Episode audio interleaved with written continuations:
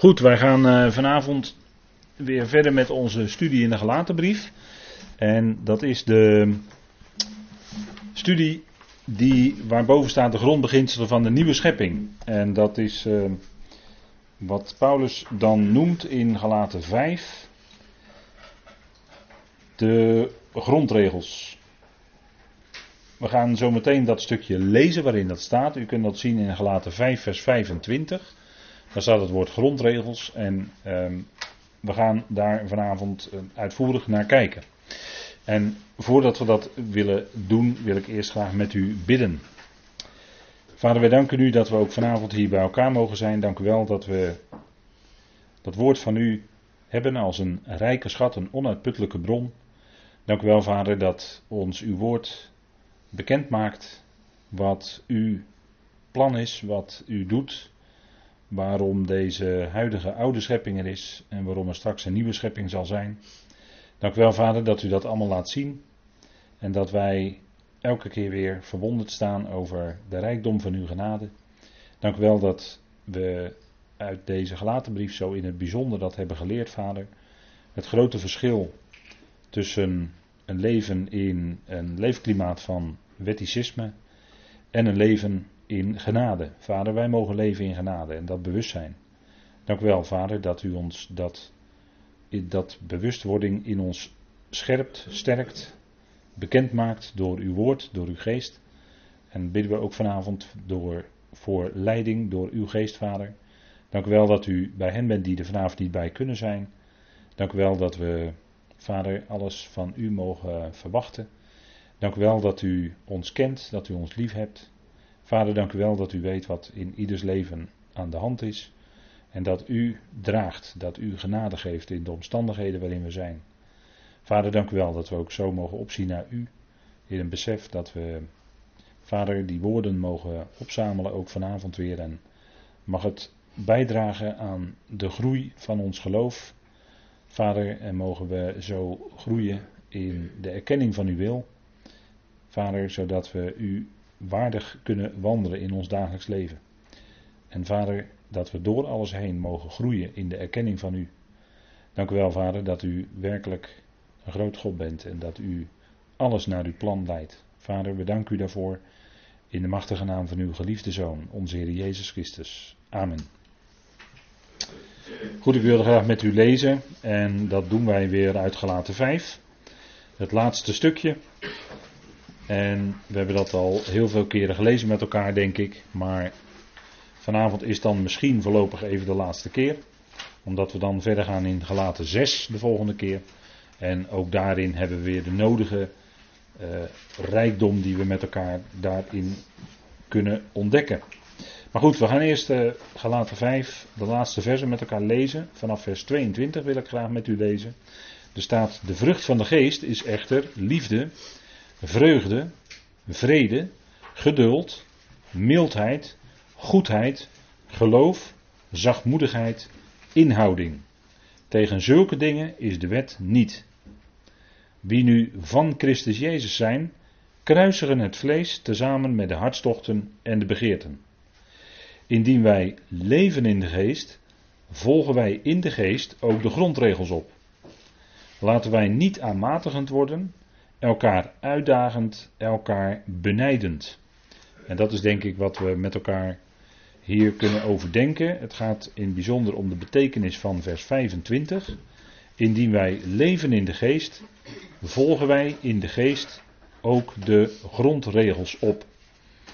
En we gaan daar vanavond naar kijken. Leven in de geest, dat is eigenlijk aansluitend bij wat Paulus eerder in dit hoofdstuk noemde. Namelijk in vers 16. Daar zegt hij tegen ons: Ik zeg echter, gelaten 5, vers 16. Ik zeg echter, wandelt in de geest. En jullie volbrengen in geen geval de begeerte van het vlees. Dus het gaat om die wandel in de geest. En dat vervolgt Paulus hier eigenlijk met de opmerking: indien wij leven in de geest, volgen wij in de geest ook de grondregels op. Dus hier wijst hij op grondregels. Het woord waren we al eerder tegengekomen in de gelaten brief. Dat zullen we ook zo meteen gaan zien. En die grondregels, dat zijn eigenlijk de grondregels, zou je kunnen zeggen, van de nieuwe schepping. Dat is ook ons onderwerp voor vanavond. En die nieuwe schepping, die wordt namelijk genoemd in dat zesde hoofdstuk. En dan in vers, even kijken, in vers 15. En daar staat, want in Christus Jezus is nog besnijdenis iets, nog vooruit, maar een nieuwe schepping.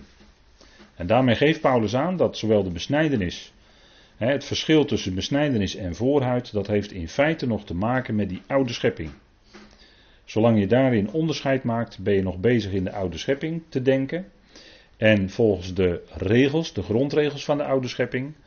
Maar hij zegt waar het om gaat is een nieuwe schepping. Of je nu besneden bent of omsneden, eigenlijk maakt dat helemaal niets meer uit. Het gaat om de geestelijke zaak. Het gaat om wat wij in de geest zijn, namelijk in Christus Jezus. En in Hem zijn wij een nieuwe schepping. En dan vallen dus de verschillen van de oude schepping, die vallen automatisch weg. Want de verschillen zijn in het vlees, in de oude schepping. En in de nieuwe schepping is er eenheid van de geest, is er geen verscheidenheid meer in die zin, en gaat het om de andere principes, de andere grondbeginselen. Hè, principes, dat zijn beginselen. Hè, het zit al in het woord prins, principale. Prins, dat is eigenlijk de eerste. Hè. Uh, een principe, dat is wat het eerste komt. Of wat de grondslag van iets is. En dat zit ook in dat woord grondregels of grondbeginselen. En dat zijn de principes, de grondbeginselen van de nieuwe schepping. En dat is heel anders dan die van de oude schepping, dat zult u begrijpen. Maar daar gaan we vanavond dus naar kijken. En daar zullen we vanzelf dat onderscheid in gaan ontdekken. Wij zijn van Christus Jezus. Wij leven door de geest volgens de grondbeginselen van de nieuwe schepping. U ziet op deze dia een foto waarin de zon schijnt en er geen wolken meer zijn. Nou, zo leven wij. Wij leven in de zonneschijn van Gods genade. De wolken van de wet zijn weg. En wij leven volop elke dag in de warmte, in de zonneschijn van zijn liefde. En niets kan ons scheiden van die liefde, zegt Paulus in Romeinen 8. Hè? We hebben daar heel even, heel even aan getipt, bijna zou ik willen zeggen, in de afgelopen zondag. Toen het ging over Romeinen 5. Toen ging het even over die liefde van God. En ehm, dan kom je er eigenlijk niet meer aan toe omdat je geen tijd meer hebt. Maar eigenlijk, dwars door dat lijden heen, verdrukkingen heen, leren wij volharding en beproefdheid. En dat hele lange stuk eindigt dan aan het eind van hoofdstuk 8 van Romeinen. En daar gaat het erom dat dan niets ons kan scheiden van de liefde Gods die is in Christus Jezus, onze Heer. En daarin noemt Paulus dan een heleboel dingen. Wat zou ons kunnen scheiden? En dan somt hij een heleboel dingen op. En het zijn allemaal vormen van lijden en verdrukking, onder andere. En die kunnen ons niet scheiden van zijn liefde. En dat is eigenlijk fantastisch, hè? Als je dat beseft. En de grondregels van de nieuwe schepping, ja, eigenlijk zijn we daar al mee bezig geweest. Met de, door de vrucht van de geest te bespreken. Die vrucht van de geest, dat is helemaal natuurlijk de nieuwe schepping, in feite. Want Gods liefde, de agape, de belangeloze liefde, belangeloos liefhebben, dat is iets wat niet van deze wereld is. Ben je, dan ben je niet van deze wereld, zeggen ze dan, populair gezegd. Als je echt belangeloos lief hebt, dat kan men zich niet voorstellen. dat, je doet, dat je iets doet voor iemand anders en je hoeft er echt helemaal niets voor terug te hebben. Gewoon belangeloos. Gewoon belangeloos liefhebben. Dat is ook niet van deze schepping inderdaad. Dat is ook niet van deze wereld. Dat is niet de geest van deze wereld. Dat is de geest van God. En, en liefhebben, hè, als je dat nou praktisch wil uitwerken, hebben we wel meerdere keren gezegd, dan is het dienen. Hè. Wil je werkelijk liefhebben, dan wil je dienen zonder belang. Dan ben je niet uit op dat belang van jouzelf, dat gaan we vanavond ook bespreken met elkaar. Dan ben je niet uit op het belang van jouzelf, maar dan ben je uit op het belang van Christus Jezus. En dat staat hier ook, hebben we vanavond hebben we daarnet gelezen. Wij zijn van Christus Jezus. Wij zijn dus deel van de nieuwe schepping, geestelijk gezien. Terwijl we hier gewoon nog met onze voetjes op deze oude aarde rondlopen elke dag. En misschien wel het gevoel hebben dat we elke dag erg moeten ploeteren. Maar nochtans hebben wij deel in Christus Jezus aan de nieuwe schepping. En dat is waar het om gaat, in feite. Voor ons als gelovigen. En zo leven wij in de geest, of je mag ook zeggen door de geest, volgens de grondbeginselen van de nieuwe schepping. Nou, die grondbeginselen die vinden wij al terug in de vrucht van de geest. Hè? Zegt Paulus, indien wij leven door de geest, volgen wij in de geest ook de grondregels op. En welke grondregels volgen wij op? Want u, misschien zou u nog kunnen denken bij het woord regels aan, hé hey, wacht even, hoe zit dat dan? Nou, dat is dus niet een manier van leven waarin je je beklemd voelt, waarin je allerlei dingen moet, maar waarin je van binnenuit God wil dienen. Van binnenuit God wil dienen. Wie? De God en Vader van onze Heer Jezus Christus. Die. Die wil je dan dienen. Van binnenuit. Dus niet omdat het moet, maar omdat je dat van binnenuit wil. Vrijwillig. En dan kun je je ook en wil je je ook vrijwillig onderschikken aan wat God wil. En dat, dat is volgens de nieuwe schepping. Dat is een leven door de geest in de nieuwe schepping in feite. Dan is het niet meer het moeten, maar dan is het van binnenuit het willen. Dan zeg je, ja Heer, u heeft mij lief. Ik heb u lief Heer en daarom wil ik dit. En dat is niet omdat iemand, een mens dat tegen mij zegt, maar omdat u dat tegen mij zegt. En dat is ongedwongen. De Heer, dat is de vrijheid van de geest. Dan is er geen sprake van dwang. Maar dan is er sprake van drang door de geest in je. Drang door de geest in je. En dan wil je het goede, het welgevallige en volkomene doen. Nou, dat is het, hè. Leven door de geest. En de geest, dat is altijd, dat moet u altijd goed uh, volgens de schrift uh, voor ogen hebben. Leven door de geest, leven, werkelijk leven, komt altijd door de geest. Leven is in de schrift altijd gekoppeld aan de geest. Wat wij leven noemen, is eigenlijk wat wij hier doen, even afgezien van de geest van God, is eigenlijk een vorm van sterven. Kijk, bloed, men, men zegt dan ook wel, hè, en som, sommige, uh, sommige die Bijbelstudie doorgeven, uh, in het algemeen gesproken, die zeggen ja, in, het leven is in het bloed. Nou, daar heb ik wel een hoop kanttekeningen bij. Uh, ik denk dat de belangrijkste kanttekening is, bloed, dat geeft leven van de ziel. Bloed wordt in de schrift gekoppeld aan de ziel. En echt leven wordt altijd gekoppeld aan de geest in de schrift. En daar is vaak verwarring over. Ook zelfs knappe theologen die echt veel van de schrift weten, die verwarren dat met elkaar en die denken dat de ziel de geest van de mens is en andersom. Maar dat is niet zo, die kun je niet onderling verwisselen. Dat zijn totaal verschillende begrippen in de schrift en dat is natuurlijk niet voor niks. Bloed heeft altijd te maken met de ziel. Een mens is een ziel. God schiep Adam, hij blies de levensadem in zijn neusgaten en zo werd Adam tot een levende ziel. Waarom? Omdat hij bloed had. En bloed is verbonden met de oude schepping. bloed heeft, is verbonden met het leven van de ziel in de oude schepping. In de nieuwe schepping is er geen sprake meer van een mens met bloed, maar een mens van vlees en beenderen. Dat zei de Heer tegen zijn discipelen in de opstanding, weet u wel. Hij zei: Ik ben geen geest, want jullie zien mij en ik heb vlees en beenderen. En dan zegt hij niet bloed. En dat zei hij natuurlijk zeer bewust, uiteraard. Hè? Maar bloed heeft te maken met de oude schepping, de ziel. En in de nieuwe schepping is er sprake van zo'n overmaat van geest, dat wij dan ook niet meer kunnen sterven. Dat is absoluut onmogelijk in de nieuwe schepping. Want dan is het alleen en al geest die in ons werkt. En dan is het voor altijd een levensproces in ons dat nooit meer zal eindigen. Ja, ik praat nu over dingen van de nieuwe schepping allemaal. Hè? En dat is wat wij al, daarvan hebben wij al een kleine voorsmaak ontvangen, doordat die geest van God in ons woning maakt. En dat je soms uh, bijzondere ervaringen hebt van vreugde in moeilijke situaties, dat kan alleen maar omdat die geest van God in je werkt. Dat, dat, dat heeft een mens niet vanuit zichzelf. maar dat is altijd door de geest gewerkt.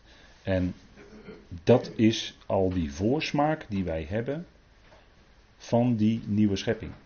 En als wij eenmaal voluit in die nieuwe schepping zijn, als ons lichaam ook daadwerkelijk is levend gemaakt, dan hebben wij volledig deel aan de nieuwe schepping. En dat zal ook nooit meer stoppen. dat is werkelijk een eindeloos leven. Maar dat is dan ook echt leven met een hoofdletter hoor. Dat is het leven wat God geeft.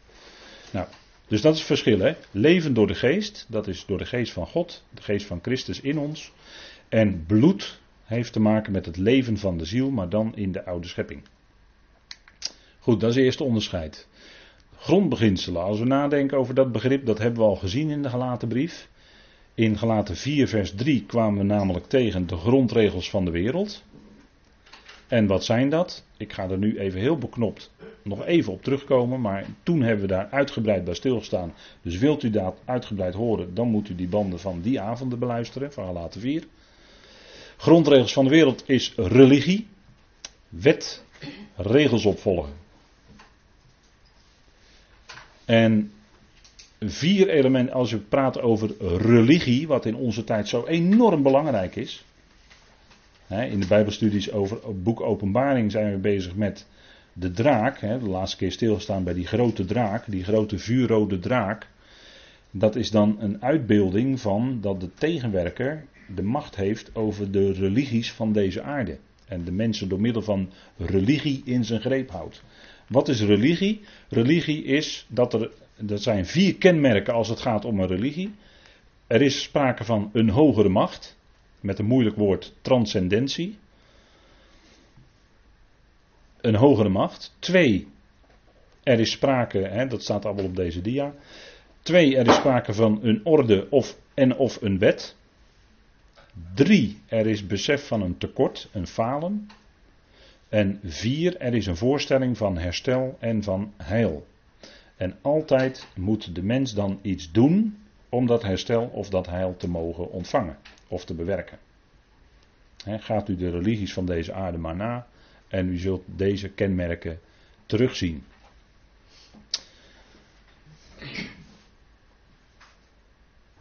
En het verschil is natuurlijk dat wij weten dat dit hoort bij de grondregels van deze wereld. dus dan praten we over de grondregels van deze oude schepping. Maar de grondbeginselen van de nieuwe schepping, dat is heel iets anders. Dus waar wij zijn geroepen van Christus Jezus. En dat heeft absoluut helemaal niets, maar dan ook echt helemaal niets met religie te maken. Religie is echt het tegenovergestelde van wij die geroepen zijn, geloof in Christus Jezus, in zijn woord. Dat heeft niets met religie te maken. Dat staat er diametraal op. In het ene kan namelijk de mens zelf iets doen om het heil te bewerken en in het andere kunt u absoluut helemaal niets doen, maar weet u, en dat brengt blijdschap in je hart, weet u dat Hij met een hoofdletter het gedaan heeft. Hij stierf aan het kruis, Hij werd opgewekt uit de dood en dat is de grondslag voor onze redding. En wij kunnen daar helemaal never, nul, niks aan toevoegen. Maar dan, ja, dit is eigenlijk de gelaten brief. Hè? Goed, we gaan gauw door. Grondbeginselen.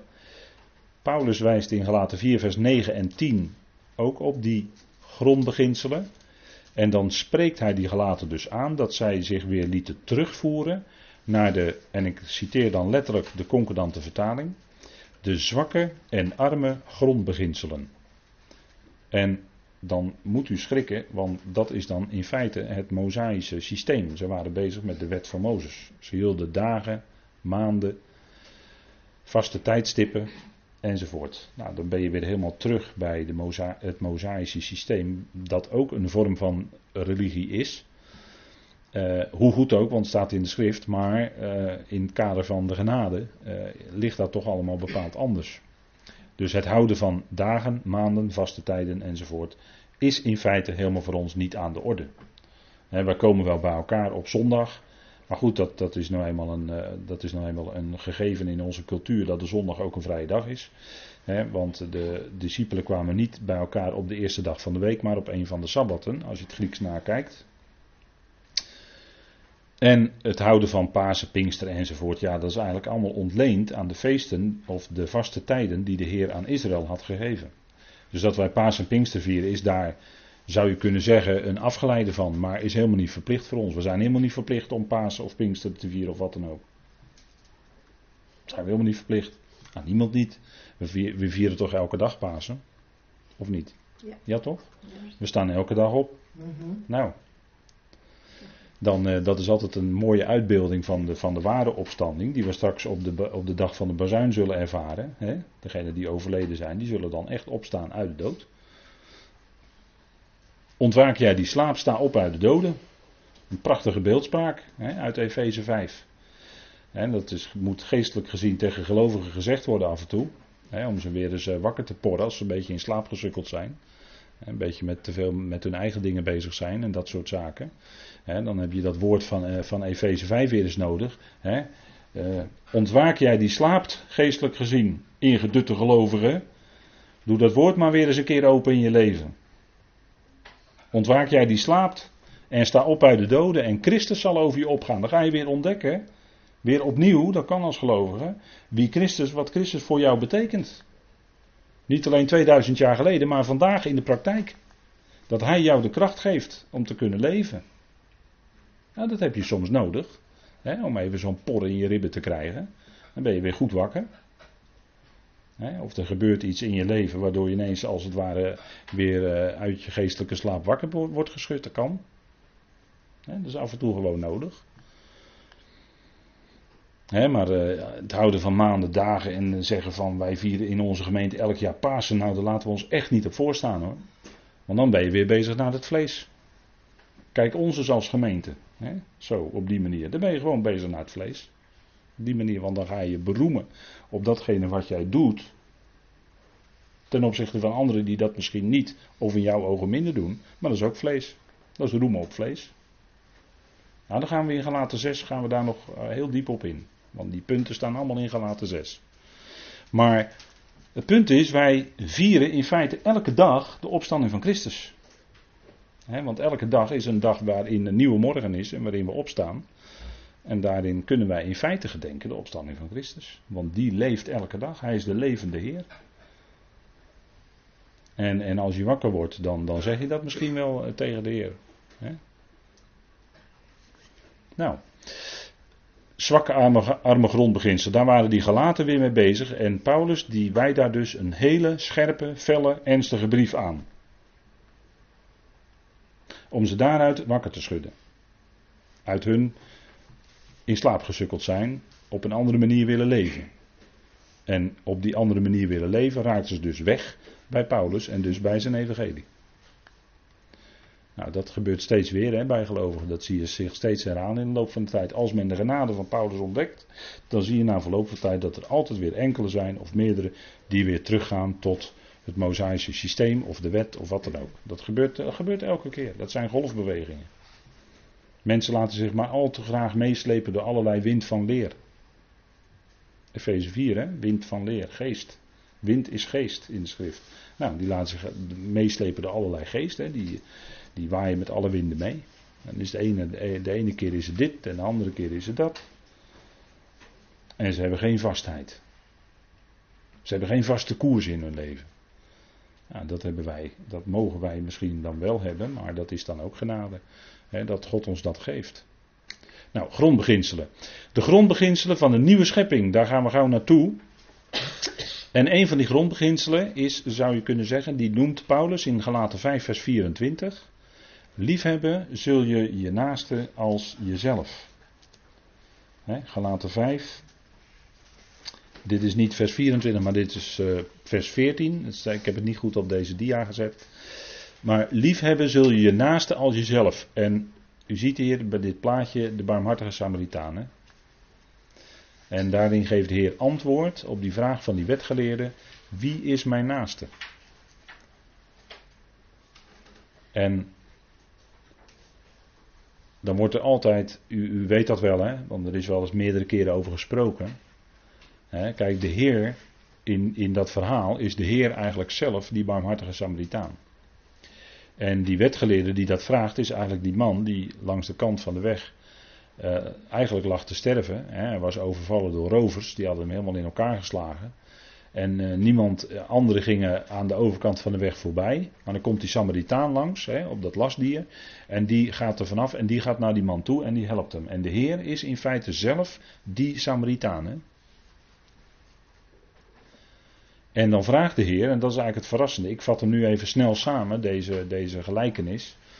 Uh, nou vraagt de Heer aan het eind, aan die wetgeleerde, wie was nu de naaste van die man die in rovershanden was gevallen? En dan antwoordt hij, die, die hem barmhartigheid heeft bewezen. Dus de Heer, als de barmhartige Samaritaan, was de naaste van degene die in rovershanden was gevallen. Dat is merkwaardig, hè, die omkering die daarin zit in die geschiedenis. Wij moeten het nog maar eens nalezen, hè? Lucas 10 hè, is dat. Vers 25 tot en met 37, moet u nog maar eens goed nalezen. Want men leest dat altijd anders, maar het einde is verrassend hoor. De Heer is in feite die barmhartige Samaritaan en hij bewijst barmhartigheid aan die man die in rovershanden was gevallen. Dat was namelijk die wetgeleerde. Die had de wet, maar die kon hem niet verlossen. Hij kon zich niet houden aan de wet. Wat hij ontdekte was dat hij niet leven kreeg door de wet, maar hij was in feite bezig dood te gaan. Dat zegt Paulus toch in Romeinen 7? Dat is die wetgeleerde. die, die wilde zich graag houden aan de wet om te kunnen leven. Doe dat en je zult leven. Maar hij ontdekte een andere wet in hem, namelijk die van de zonde, die hem in feite ter dood bracht. Die hem uitgaande van het gebod doden. Dat zegt Paulus in, in Romeinen 7. Dus die wet die ten leven was, bleek in de praktijk ten dode te zijn. Waarom? Omdat de mens vanuit zichzelf, vanuit zijn eigen vlees, niet in staat is zich te kunnen houden aan die wet. En daarom heeft hij die Samaritaan nodig, die hem leven geeft. En dat is de Heer.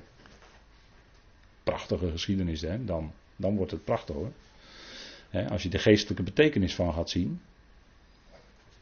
En kijk, die Samaritaan, die ging dus naar die man toe, die hielp hem.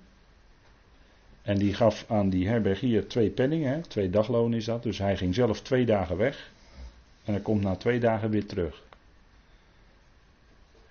Ja, ik denk dat u hem dan wel begrijpt. Hè? Maar hij bewees barmhartigheid aan die naaste. En hij deed dat, en als we het hebben over liefhebben, dan deed hij dat belangeloos. Hij deed dat belangeloos. Hij had belangeloos lief. Nou, belangeloos liefhebben is dus een van die grondregels van de nieuwe schepping. En eigenlijk komt daar heel veel, misschien wel al het andere uit voort. Dat wat de wet niet kon geven, leven, dat geeft de Heer ons onder de genade wel dat leven door zijn geest, zodat wij kracht hebben om belangeloos te kunnen liefhebben. Kom er maar eens om in deze wereld. Mensen die geen belang hebben, hè, of een subbelang bij iets wat ze doen. Maar gewoon vrijuit kunnen liefhebben, kunnen dienen, zonder daar zelf wijzer van te worden. En dan begrijpt u wel wat ik bedoel. Nou, liefhebben zul je naaste als jezelf. Dat is eigenlijk het complement van de wet. Dus het complement van de Torah. Dat kon de Torah dus zelf niet verlenen, maar dat verleent God door zijn geest in ons. En dan kunnen we ineens zelfs meer doen dan wat de wet op zich eist. Dan kunnen we meer doen dan de wet eist. Dat gaat daar bovenuit. Nou, dat deed die Samaritaan ook bij die man die aan de kant lag te sterven.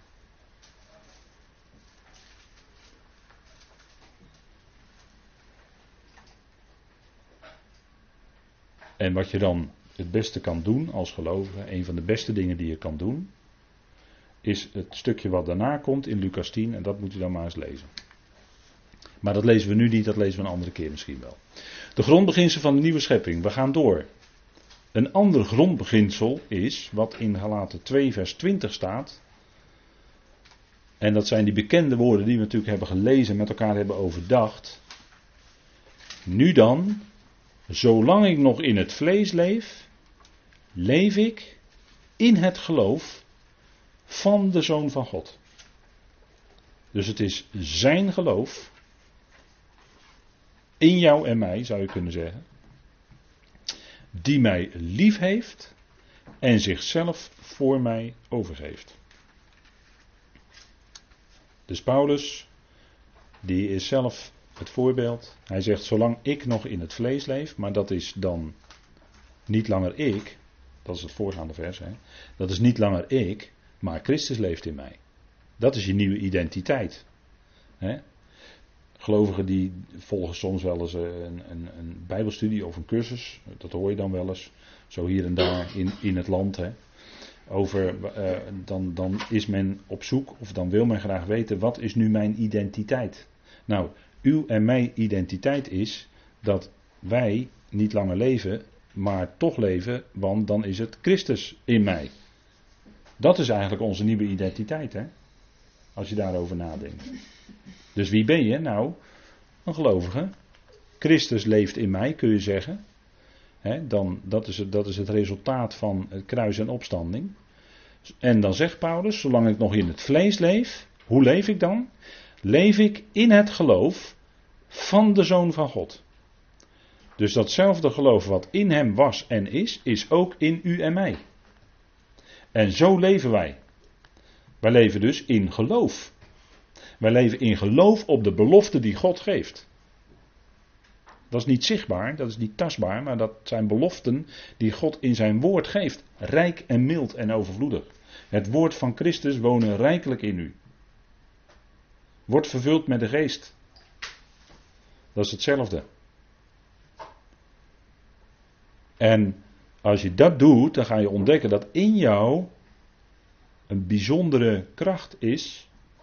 Dus die kracht van de geest, van God, die in je werkt, waardoor je belangeloos kunt liefhebben. Want hij heeft nu Paulus lief. Hè? Paulus zegt, die mij lief heeft. Dat is tijdloos. En zichzelf voor mij overgeeft. Dat is ook tijdloos. Dat staat allebei in de aorist. En dat is dus wat hij nu doet voor de gelovigen. Hij heeft ons lief en hij geeft zichzelf over voor ons, voor u en voor mij, voor zijn lichaam. Wat is het werk wat Christus nu doet? Liefhebben en zichzelf overgeven voor de gemeente. Voor wie? Voor de gemeente. Alle leden van het lichaam van Christus, wereldwijd. Dat is het werk wat Christus nu doet. Hij roept uit. En vervolgens is hij bezig met de opbouw, het liefhebben en het zich overgeven voor die gemeente. En het pleiten bij de Vader voor de gemeente. Dat is het werk wat Christus nu doet. En dat is een scherp onderscheid met wat soms gedacht wordt. Soms wordt gedacht dat hij nu al bezig is te bouwen aan zijn zichtbare koninkrijk op aarde, maar dat is absoluut niet waar, want wij leven in een verborgen koninkrijk. Namelijk dat koninkrijk van de zoon van zijn liefde. Dat is een geestelijk koninkrijk. Kunnen wij niet zien.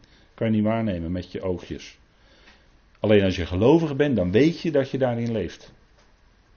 En kijk, dit is ook zo'n principe, zo'n grondregel van de nieuwe schepping, zo'n grondbeginsel. Wij leven in geloof. En daarom dat we die geest hebben ontvangen, kunnen we lief hebben, kunnen we dienen, zonder dat wij er belang bij hebben. En dan zeggen we ja, dienen, en het blijft dienen, en het blijft dienen, inderdaad. En het regeren, dat komt later wel, te midden van de hemelingen, komt later wel. Maar nu is het de tijd van dienen en liefhebben. En zoals de Heer zich overgeeft voor de gemeente, kunnen u en ik ook leven vanuit die overgave aan Hem. Overgave aan Hem die ons lief heeft. Nou, hoe, hoe kun je nu anders dan dat? Dat is leven in vrijheid hoor. Dan leef je echt in vrijheid. Want dan ben je niet meer gebonden aan al wat de wereld wil of al wat het vlees wil. Maar dan ben je gebonden aan dat wat God wil. En dat is geen gebondenheid, maar dat is vrijheid. Nou, dat is denk ik waar we in mogen leven. Hè? Dat is dan ook zo'n grondbeginsel van de nieuwe schepping. En ja, dat is denk ik toch wel uh, fijn als we zo die grondbeginselen vanavond dus op een rij krijgen. En dat is echt niet uitputtend, want dan zouden we meerdere avonden eraan moeten besteden. Maar ik hou het toch maar op één avond, omdat het dan misschien te uitgebreid wordt. Maar het is goed om die zaken eens even, hè, om die dingen eens even met elkaar op een rij te zetten. Hè. En als je nu kijkt, hè, Paulus die een van de eerste plaatsen waar die kwam in uh, uh, Europa was Filippi, weet u wel, in Handelingen 16. En daar ontmoette hij aan de rivier onder andere Lydia. Lydia, de purperverkoopster.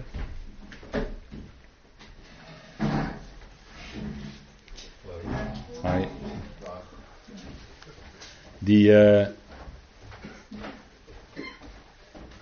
ja, die, die kwamen daar bij elkaar op een gebedsplaats aan de rivier. En dan gaat Paulus spreken. En dan uh, staat er, zo mooi vind ik, en de Heer opende haar hart, zodat zij aandacht gaf aan wat door Paulus gezegd werd. En dat is toch heel tekenend, vind ik, voor de gemeente die het lichaam van Christus is. Dat zijn allemaal mensen bij wie de, eh, de Heer het hart geopend heeft. En die aandacht geven aan het onderricht van de apostel Paulus.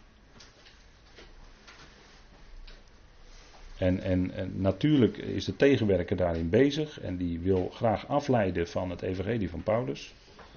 Dat is uh, niet alleen het woord van God verdraaien, maar ook het afleiden van het evangelie van Paulus is een van zijn hoofdactiviteiten in deze tijd. en daarom hebben we daar bij gelegenheid flink last van.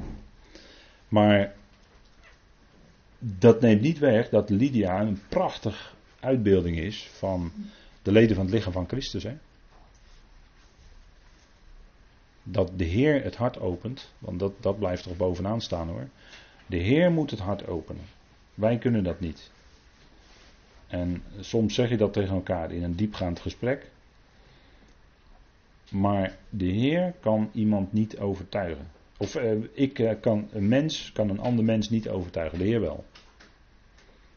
Een mens kan een ander mens niet overtuigen. De Heer kan alleen het hart openen.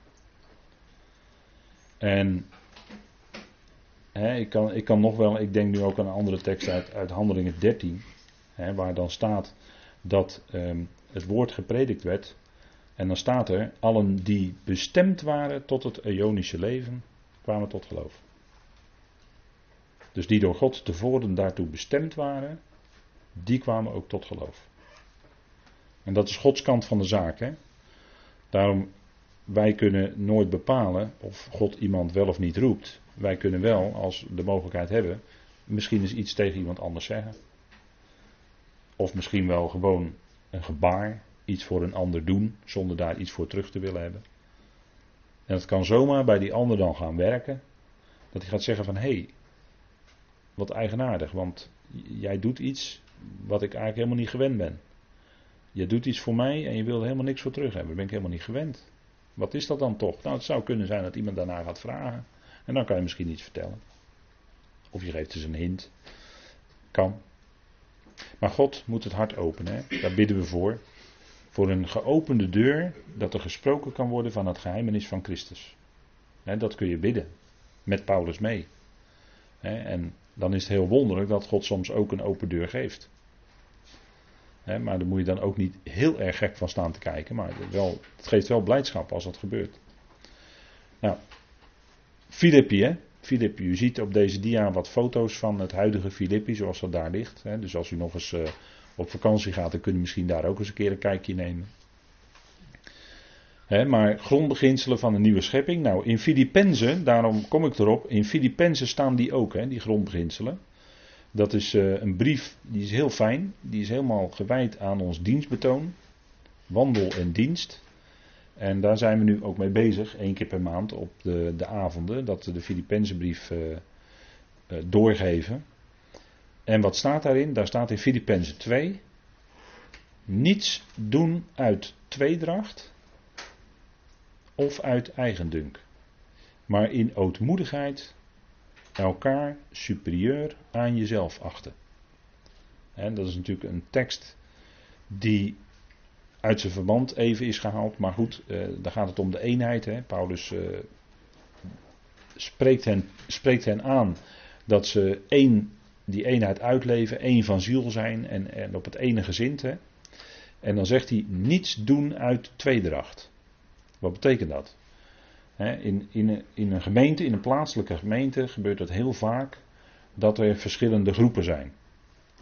De een legt misschien meer de nadruk daarop en de ander daarop. En er is misschien dan eh, ook een groep die wat, wat minder, uh, minder getrokken wordt naar het evangelie van Paulus. Nou, dat kan allemaal. Hè? Maar wat jij nou doet in de omgang met die medegelovigen, Draag, hè, wat jij dan doet, draagt dat dan bij aan een eventuele tweedracht die er is? Of ben je bezig die eenheid van de geest daarin uit te leven met de band van de vrede? En dan kan het best zijn dat je dingen juist niet doet, of juist wel, die je misschien ogenschijnlijk, waarvan je denkt van ja, moet het nou zo? Maar het kan soms onder omstandigheden, kun je wel eens dingen doen die misschien door anderen niet begrepen worden, maar die je toch meent te moeten doen vanuit dit oogpunt. Dat je niets wil doen uit tweedracht, maar dat je alles wil doen om die eenheid van de geest uit te leven. Die eenheid is er hoor, de eenheid van de geest. Dat, laat, laat, dat duidelijk zijn. Dat zegt Paulus in, in Efeze 4, die eenheid is er. Maar die eenheid van de geest uitleven met de band van de vrede. En het woord vrede zegt natuurlijk dan heel veel. dat we vrede bewaren, voor zover het van ons afhangt, sowieso naar alle mensen toe. Maar nog veel meer, zou ik bijna dan willen zeggen, naar die medegelovigen toe. Of niets doen uit eigendunk. Misschien zou je kunnen constateren iets over geestelijke groei bij deze of gene. Maar handel je dan daarop? Of acht je in ootmoedigheid die ander superieur aan jezelf? Nou, dat, dat, dat, is, dat is de weg hè, die Paulus wijst, die de Heer wijst, in ootmoedigheid. Hè. Dat, dat is toch een kernwoord in Filippenzen. Die ootmoedige gezindheid van Christus Jezus. dat is eigenlijk de kern van heel Filippenzen zou je kunnen zeggen. Zo diende hij, zo was hij bezig. om de ander te dienen. En niet om te willen heersen. En zo die ander superieur achter aan jezelf. En nog zo'n punt wat daar direct bij komt is, laat ieder niet alleen letten op zijn eigen belangen. Belangen is dan, heb ik hier tussen haakjes gezet op deze dia, maar in de concordante tekst staat die dun gedrukt, omdat het woord niet in de grondtekst voorkomt. Maar we hebben dat erbij gezet ter verduidelijking. Laat ieder niet alleen letten op zijn eigen, en dan mag je invullen belangen, maar ook op die van ieder ander. Dus natuurlijk let je op bepaalde belangen, maar hou vooral dat belang van die ander in het oog. Wat ik nu doe, of wat we nu misschien niet doen, dient dat ook het belang van die ander, van dat andere gemeentelid, van die andere gelovige. En dat geldt voor ieder hoor. Dat geldt voor iedereen in het lichaam van Christus. wij worden daar allemaal collectief door aangesproken. Dienen we daarin ons? Willen we graag ons eigen belang dienen? Dan kan het heel snel zijn dat het belang van iemand anders misschien daarin schade. En dat zouden we tot het uiterste vermijden. En kijk, Paulus die zegt daar ook iets over, een soortgelijk woord in 1 Korinthe 10, dat wil ik even met u opzoeken. 1 Korinthe 10. Kijk, en dit zijn hele belangrijke principes van die nieuwe schepping, die, die we dus geestelijk waarnemen en in de praktijk toepassen in onze onderlinge contacten als gelovigen.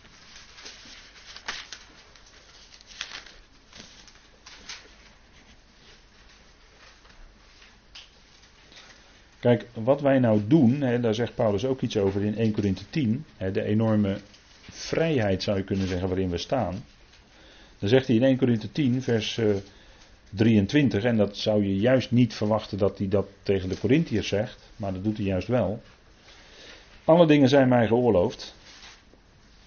1 Corinthië 10, vers 23. 1 Corinthië 10, vers 23 gaat om het stukje van uh, offer, eten van offervlees en dergelijke. Hè, of je daar dan de ander mee. Uh, hoe je daarin met elkaar omgaat. Alle dingen zijn mij geoorloofd, maar niet alle dingen zijn nuttig. En wat is nou nuttig? Nou, dat zegt hij in de volgende zin. Alle dingen zijn mij geoorloofd, maar niet alle dingen bouwen op. Dus dat wat nuttig is, is dat wat is tot opbouw van de gemeente, tot opbouw van het lichaam van Christus. Dat is nuttig. En daar was Paulus mee bezig. En Paulus is ons voorbeeld, want hij zegt in 1 Korinthe 11 vers 1, wees navolgers van mij zoals ik van Christus.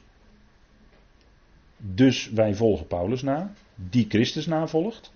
En in dat navolgen zouden wij dus datgene doen wat nuttig is. En wat is nuttig? Dat is wat tot opbouw is van de gemeente. Dat, wat tot opbouw is van het lichaam van Christus. Dan ben je bezig niet alleen met je eigen belang, maar ook met dat van de anderen. Want dat zegt Paulus in vers 24. Laat niemand zijn eigen, en dan mag u het woord belang wel invullen hoor. Laat niemand zijn eigen zoeken, maar ieder dat van de ander. Dat, dat is eigenlijk hetzelfde, hier zegt hij, als wat hij ook in Filippenzen 2 zegt. Dus het belang van die ander op het oog hebben. Dat is tot opbouw van de gemeente. En dat zouden we uiterste doen als gelovigen om zo bezig te zijn. En dan besteed je je tijd ook nuttig. Als je het nou hebt over nuttige tijdsbesteding, dan kun je hele cursussen vervolgen. Maar we kunnen gewoon uit de Bijbel dat halen. Wat is nou nuttig? Nou, dat doen wat is tot opbouw van de gemeente. En, en eh, ik zeg wel eens vaker, wat allereerst tot opbouw is van de gemeente, is dat je jezelf opbouwt, je geloof opbouwt. Hoe doe je dat? Nou, luisteren naar zijn woord. Daar begint het mee. Dan bouw je jezelf op en dan ben je al bezig met een stukje opbouw van het lichaam van Christus. En vanuit die opbouw in jezelf, dan ga je zelf geestelijk groeien. Van die, vanuit die opbouw, vanuit die groei, kun je ook de ander gaan opbouwen. Kun je ook gaan meehelpen, meewerken in het lichaam van Christus tot opbouw. Ziet u hoe alles dan in elkaar grijpt? Het is eigenlijk heel eenvoudig, maar het grijpt allemaal in elkaar. Hè?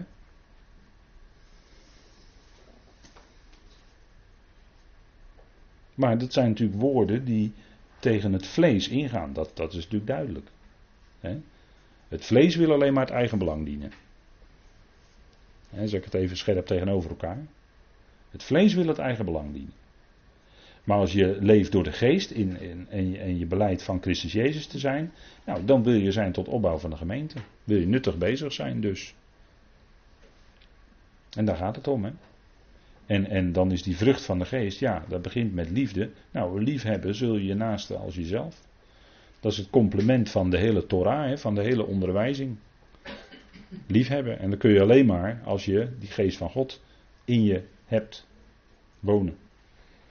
Dan kun je werkelijk dienen zonder dat je erbij gedacht hebt van zie mij eens heel hard dienen in het lichaam van Christus. Want ook dan, als je zulke gedachten hebt, dan is ook weer vanuit het vlees.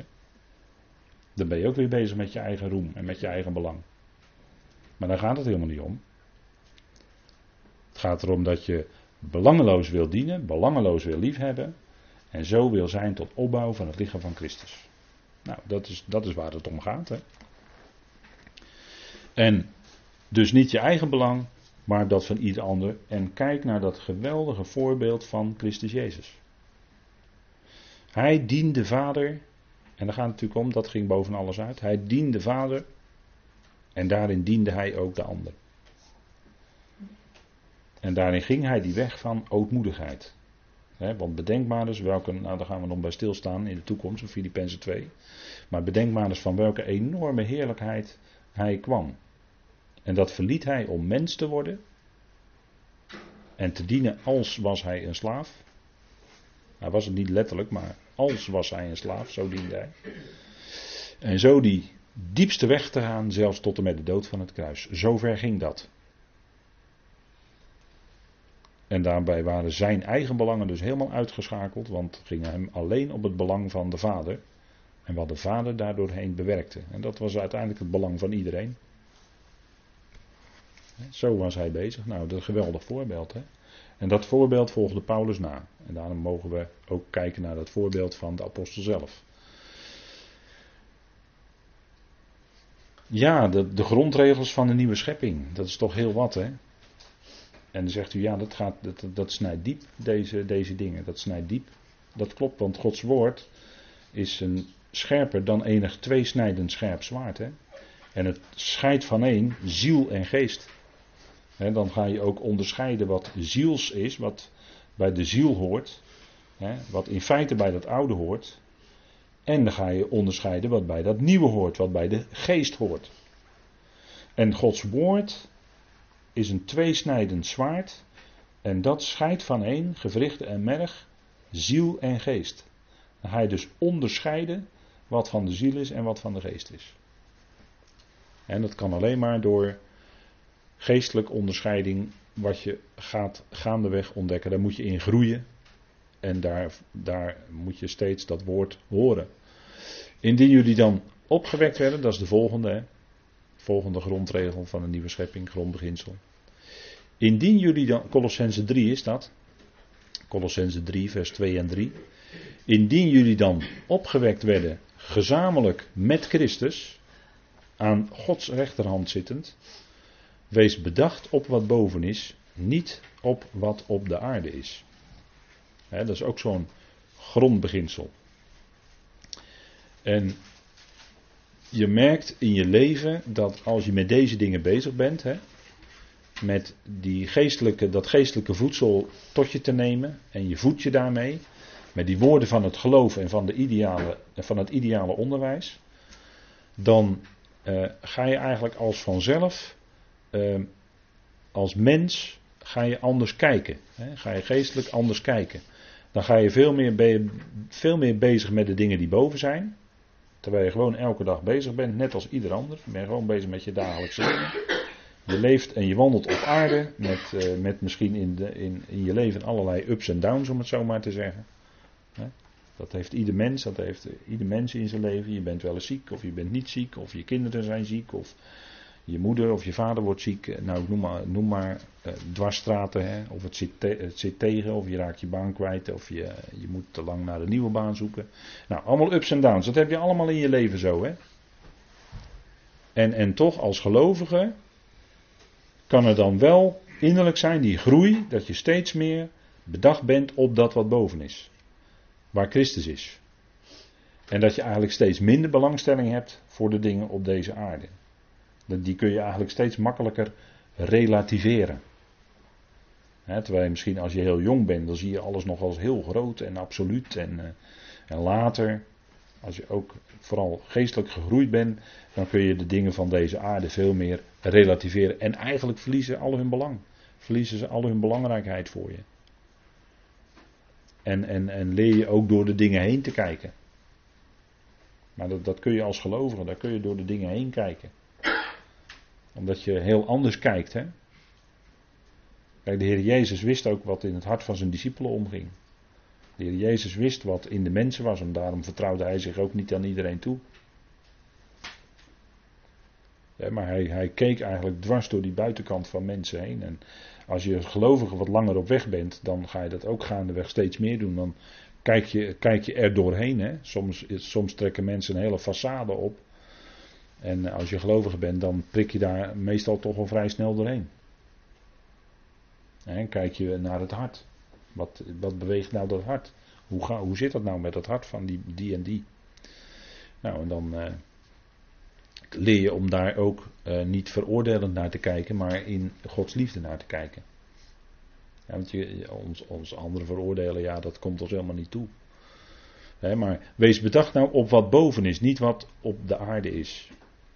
En daarom, als we even denken aan ons onderwerp, he, de gelatenbrief. Dan die gelaten, die werden daardoor, door de judaïsten, werden ze gericht op de dingen van de aarde.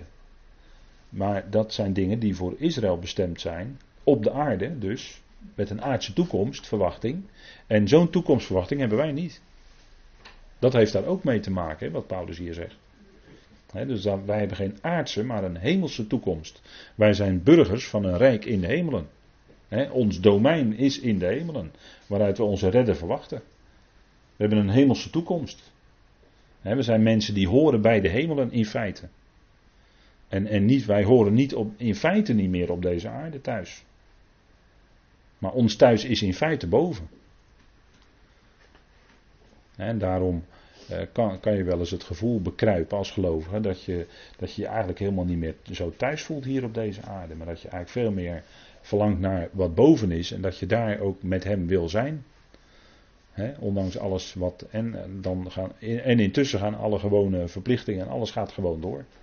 Maar innerlijk Innerlijk ben je eigenlijk al bezig met iets anders. En, en dat is denk ik wat, wat Paulus hier bedoelt. Hè. Nou, dat heeft te maken met die nieuwe schepping. Omdat we in hem al een nieuwe schepping zijn. Dat, is dus, dat is dus met totale andere principes dan deze oude schepping.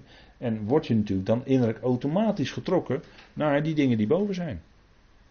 En dat je hier niet meer zo erg thuis voelt. Dat is heel logisch als gelovige. Dat je eigenlijk een vreemdeling voelt. Net zoals Abraham zich ook een vreemdeling en bijwoner voelde. Want hij verwachtte de stad met fundamenten, alsjeblieft. En Abraham leefde op de beloften die God gegeven had. Doen wij ook. Wij leven in geloof op de beloften die God heeft gegeven. Een hemelse toekomst, een hemels burgerschap. Dat is onze toekomst. Daar zijn we naartoe op weg. En die principes, hè, kan het ook hemelse principes noemen natuurlijk. Maar die nieuwe schepping, dat is in feite waar het om draait. Nou, we zitten daar al dichtbij, want wat mij betreft duurt het allemaal niet zo lang meer. Maar goed, we, we wachten rustig af. Nou, wees bedacht op wat boven is, niet op wat op de aarde is. Het gaat om het belang van Christus Jezus. Niet om ons belang. daar, daar zouden we toch bij houden. Nou, dat is ook zo'n principe van die nieuwe schepping. En nog zo één is, maar het is, ik zie dat het al uh, pauzetijd is. We gaan eerst pauzeren.